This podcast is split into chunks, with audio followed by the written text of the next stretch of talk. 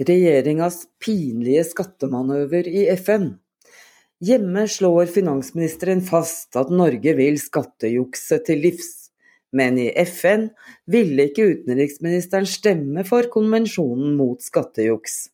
Det er ubegripelig og pinlig.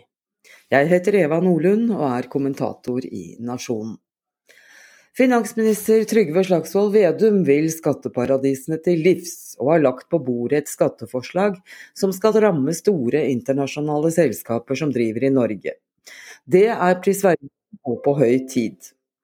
Samtidig avstår utenriksminister Espen Barth Eide på Norges vegne å stemme for FN-resolusjonen om å sette i gang arbeidet for å få spikra en rammekonvensjon om internasjonalt skattesamarbeid avstår å stemme for. Vedum viser til at mange store selskaper flytter virksomhetene sine for å unngå beskatning. Det er noe grunnleggende urettferdig i det, sier Vedum til E24. Skattekonvensjonen har samme formål som Vedums skatteforslag. Å bekjempe skattetriksing og kapitalflukt som tapper land for store pengesummer hvert år. Og dessuten og dessuten låser fattige land fast i fattigdom. Det er selvsagt noe grunnleggende urettferdig over det. Når FN-konvensjonen om internasjonalt skattesamarbeid er etablert, vil den kunne avverge et globalt tap til skatteparadiser på estimerte 5000 milliarder dollar det neste tiåret, sier Andreas Fjellskår, påtroppende daglig leder i Tax Justice Norge. Kirkens Nødhjelp er også oppgitt over Norges holdning i FN. Kirkens Nødhjelp er skuffet over at Norge valgte å stemme avholdende. Vi håpet i det lengste at Norge ville stemme for. Dette handler om å bryte en ond sirkel som, ond sirkel som holder fattige land fast i fattigdom og ulikhet. Det er ubegripelig at regjeringen mener at den ved å avstå fra å ta stilling til dette historiske vedtaket, viser lederskap, sier generalsekretær i Kirkens Nødhjelp, Dagfinn Høybråten. Og det har Dagfinn Høybråten helt rett i. Norges holdning i FN er ubegripelig.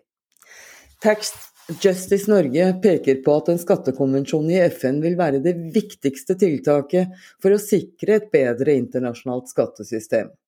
Dette er en utrolig viktig mulighet for å sikre at internasjonale skatteprosesser behandles i et globalt forum hvor alle land står på like fot og forhandlingene er åpne. Dette i motsetning til OECD. At Norge stemte avstående er svært skuffende, sier Jonas Veland, som er rådgiver i Tax Justice Norge. Årsaken utenriksminister Eide oppgir for ikke å stemme for FNs skattekonvensjon, er altså at Norge skal komme i en brobyggerrolle. Ved å avstå fra å stemme håper utenriksministeren at Norge skal citat, være i posisjon til å spille en brobyggende en brobyggerrolle mellom det globale sør og nord, som har gitt uttrykk for uenighet i hvordan internasjonalt skattesamarbeid skal finne sted og om FN eller OECD er ryddige spor. Vi mener begge prosessene må gjensidig forsterke hverandres arbeid, og vi vil bidra til eierskap og legitimitet blant alle FN-land, som Espen Barth Eide sier det i en uttalelse. Mer svulstig kan det knapt bli, men klokere blir vi ikke. I posisjon til å spille en ledende rolle? Hvorfor? Hvordan? Hva skal Norge eventuelt bruke brobyggerrollen til? Samtlige afrikanske land fremmet forslaget om internasjonal skattekonvensjon sammen. Forslaget fikk heldigvis et overveldende flertall i FNs generalforsamling 22.11, til tross for Norges vankelmodige holdning. En mindre gruppe, hovedsakelig OECD-land, stemte imot. 125 land stemte for, 48 stemte mot og 9 stemte avholdende. Et av dem var altså Norge. Mens OECD-landet Chile og Colombia stemte for. Omtrent på denne tida i fjor så støtta Norge et historisk FN-vedtak som banet vei for årets forslag. Da var Norge et av de få rike landene som ga sin tydelige støtte til FN-resolusjonen. Det er nærliggende å tro at den samme tydeligheten Norge viste i fjor, ville ha vært et langt bedre utgangspunkt for å vise andre OECD-land, rike land, veien å gå. Utviklingsminister Anne Beate Tvinnereim kaster ikke akkurat klarhetens lys over den norske, holdningen, hun heller. Sitat. I tråd med Hurdalsplattformen har regjeringen en klar ambisjon om at Norge skal innta en ledende rolle innen internasjonalt skattesamarbeid og i kampen mot skatteunndragelse og ulovlig kapitalflyt, sier Tvinnereim i UDs pressemelding. Mest av alt et skoleeksempel på uttalelser vi klarer oss best uten.